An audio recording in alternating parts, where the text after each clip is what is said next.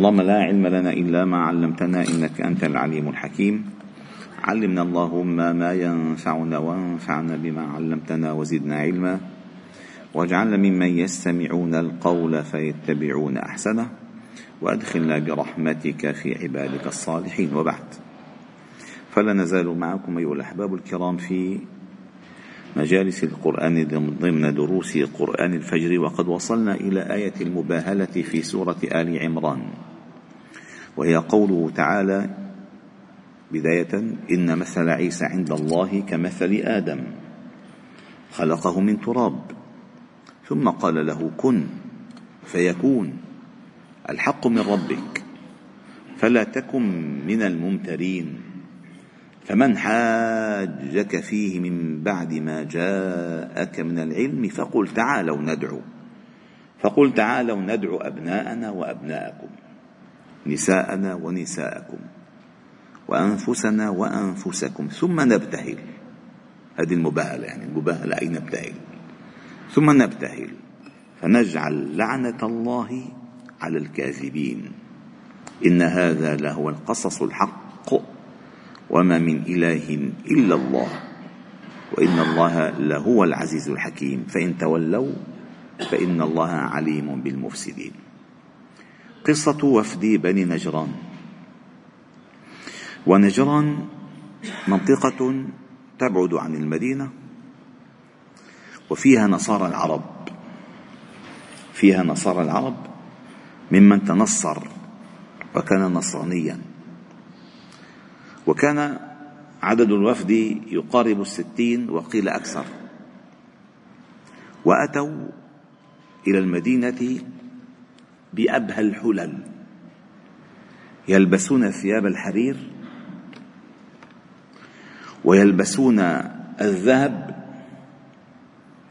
ويتسورون بالأساور وأتوا حتى يلفتوا النظر نظر المسلم بالأبهة كبيرة فعندما أتوا رفض النبي صلى الله عليه وسلم أن يستقبلهم. فاستغربوا لذلك. فأرسل لهم عليا يؤذنهم أن تعالوا غدا. أولا سألوه لعلي الله مرضى عنه لماذا لم يتم استقبالنا؟ فقال لم لم يرد النبي صلى الله عليه وسلم أن يستقبلكم على هذه الهيئة. فبدلوا ثيابكم. فبدلوا ثيابهم ولبسوا ثوب الرهبنة وأبقوا صلوبهم معلقة في أعناقهم ودخلوا على النبي صلى الله عليه وسلم. وعندما دخلوا على النبي صلى الله عليه وسلم وكان فيهم أشرافهم فدعاهم النبي صلى الله عليه وسلم إلى الإسلام. دعاهم إلى الإسلام. فقالوا أسلمنا قبلك أو أسلمنا قبلكم. هلا هذه الجملة صحيحة؟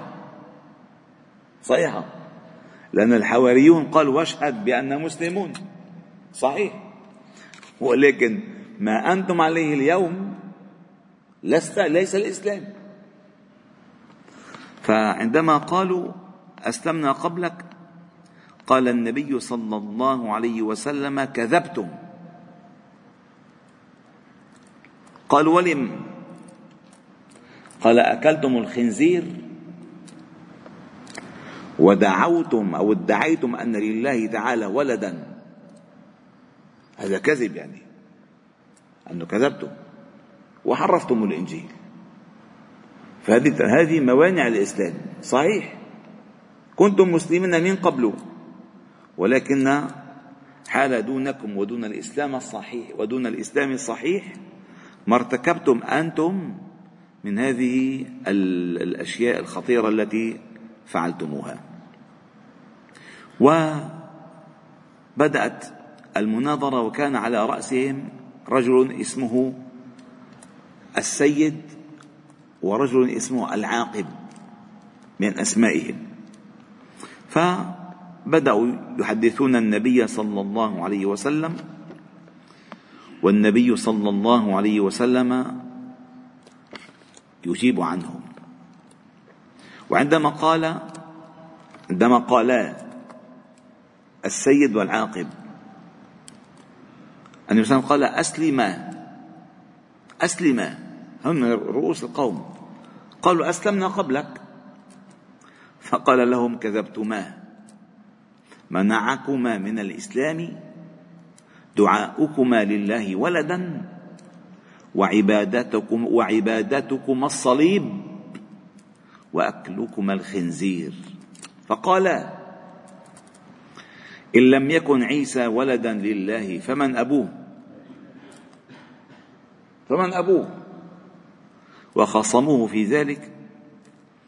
فقال لهم النبي صلى الله عليه وسلم ألستم تعلمون أنه لا يكون ولد إلا ويشبه أباه؟ قالوا بلى. قال ألستم تعلمون أن ربنا قيم على كل شيء يحفظه ويرزقه؟ قالوا بلى. قال فهل يملك عيسى من ذلك شيئا؟ قالوا لا. قال فإن ربنا صور عيسى عليه السلام في الرحم كيف يشاء وربنا لا يأكل ولا يشرب ولا يحدث. قالوا بلى. قال ألستم تعلمون أن عيسى عليه السلام حملته أمه كما تحمل المرأة ثم وضعته كما تضع المرأة ولدها ثم غذي كما يغذى الصبي ثم كان يطعم ويشرب ويحدث. قالوا بلى. قال فكيف هذا؟ كما زعمتم يكون. فسكتوا.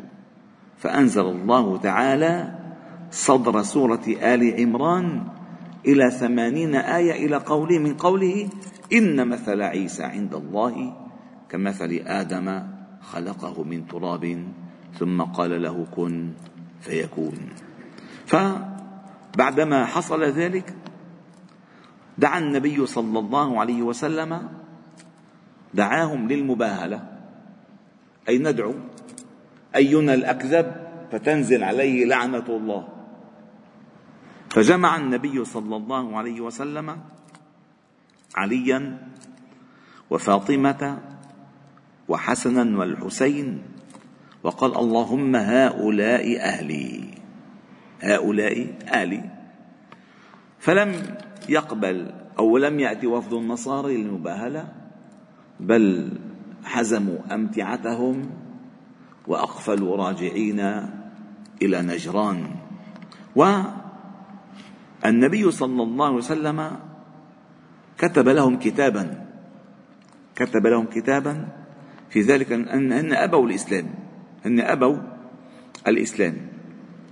فعندما أبوا الإسلام كتب لهم النبي صلى الله عليه وسلم بسم الله الرحمن الرحيم هذا ما كتب محمد النبي رسول الله صلى الله عليه وسلم لنجران. أن كان عليهم حكمه في كل ثمرة وفي كل صفراء وبيضاء وسوداء ورقيق لأنه عندما دعاهم إلى الإسلام إن أسلموا أسلموا. إن لم يسلموا فعليهم الجزية. فإن أبوا الجزية فعليهم الحرب. ففروا عادي يعني عائدين وقد قبلوا ضمنا بالجزية. فكتب عليهم ما ما فكتب لهم ما عليهم من الجزية. وتفاصيل ذلك كثيرة. وشهد أبو سفيان ابن حرب وغيلان ابن عمرو ومالك ابن عوف والأقرع ابن حابس والمغيرة بن شعبة. على ذلك على ذلك. وأرسل في هذا الكتاب آه، أبو عبيدة أبو عبيدة بن الجراح عامر وقال هو أمين هذه الأمة. ومن سنرسل الكتاب؟ قال مع أبي عبيدة أمين هذه الأمة وهنا أطلق النبي صلى الله عليه وسلم على أبي عبيدة أنه هو الأمين لهذه الأمة. وقال بعدما كتب الأسر قال بسم الله الرحمن الرحيم من محمد النبي صلى الله عليه وسلم إلى الأسقف أبي الحارس وأساقفة نجران وكهنتهم ورهبانهم وأهل بيعهم ورقيقهم وملتهم وسوقتهم وعلى كل ما تحت أيديهم قليل وكثير جوار الله ورسوله. لا يغير أسقف على من لا يغير أسقف من أسقفته. ولا راهب من رهبانيته ولا كاهن من كهانته ولا يغير حق من حقوقهم ولا سلطانهم ولا مما كانوا عليه على ذلك جوار الله ورسوله ابدا ما نصحوا وأصلحوا عليهم غير منقلبين بظالم ولا ظالمين. هذا العهد. يعني تركهم على دينهم. فالجزية ما معنى الجزية إنه في ناس بيفكروا الجزية إنه إنه هيدي مثل آه، كأن إهانة لهم هي من إهانة حماية لهم بيدفعوا الجزية لقاء يحموا. وقال لهم علي جوار الله ورسوله. جوار الله ورسوله يعني إذا حدا أغار عليهم من يدافع عنهم؟ النبي صلى الله عليه وسلم والمسلمون. هذه هي قصة المباهلة وقصة وفد بني نجران وفعلا الذي يدرس السيرة النبوية ويعلم كيف كانت تجري المفاوضات. حتى ورد في بعض الروايات أتى معهم بعض أحبار اليهود. ليش؟ مشان يشوفوا وين رايحين النصارى مشان صار هيك يعملوا هن هيك لأن اليهود دائما على مر التاريخ يتصيدون الفرص التي فيها الضلال والإفساد. فالمهم هذه صدر صدر سورة آل عمران. إلى هذه الآيات هو مما نزل في الرد على وفد نجران ومما سمعوه لأنه قرأه جميعا سمعوه كله من أوله إلى آخره. ولكن وحصلت حصلت آه، آه، محاورة ما بين أسقفين من من أساقفتهم. كانا يركبان على بغلة. فعثرت البغلة في في مقدمهم على النبي صلى الله عليه وسلم. فقال أحدهما للآخر تعس الأبعد. وقصد النبي صلى الله عليه وسلم تعس الأبعد. قال لا ما تعس الأبعد إنك تعلم أنه النبي الأمي الذي أرسله الله تعالى إلى الناس جميعا وموجود بصفته في كتابنا. فقال إذا فما يمنعك أن تتبعه؟ انه لا ليش إذا مع خبر. ليش ما تتبعه؟ قال إن لي مصالح مع قريش ولي مصالح مع عرب الجزيرة. لا أريد أن أؤلبهم علي. سبحان الله شوف شوف الفساد الفكري والمصالح. قال تعس الأبعد ودافع عنه. وقال بل هو النبي الأمي الذي أرسله الله تعالى إلى الأميين وهو حرز للأميين وموجود بصفته في الإنجيل ومع ذلك ما أسلموا. والحمد لله رب العالمين. سبحانك وبحمدك نشهد أن لا إله إلا أنت نستغفرك ونتوب إليك. صل وسلم وبارك على محمد وعلى آله وأصحابه أجمعين. الحمد لله رب العالمين.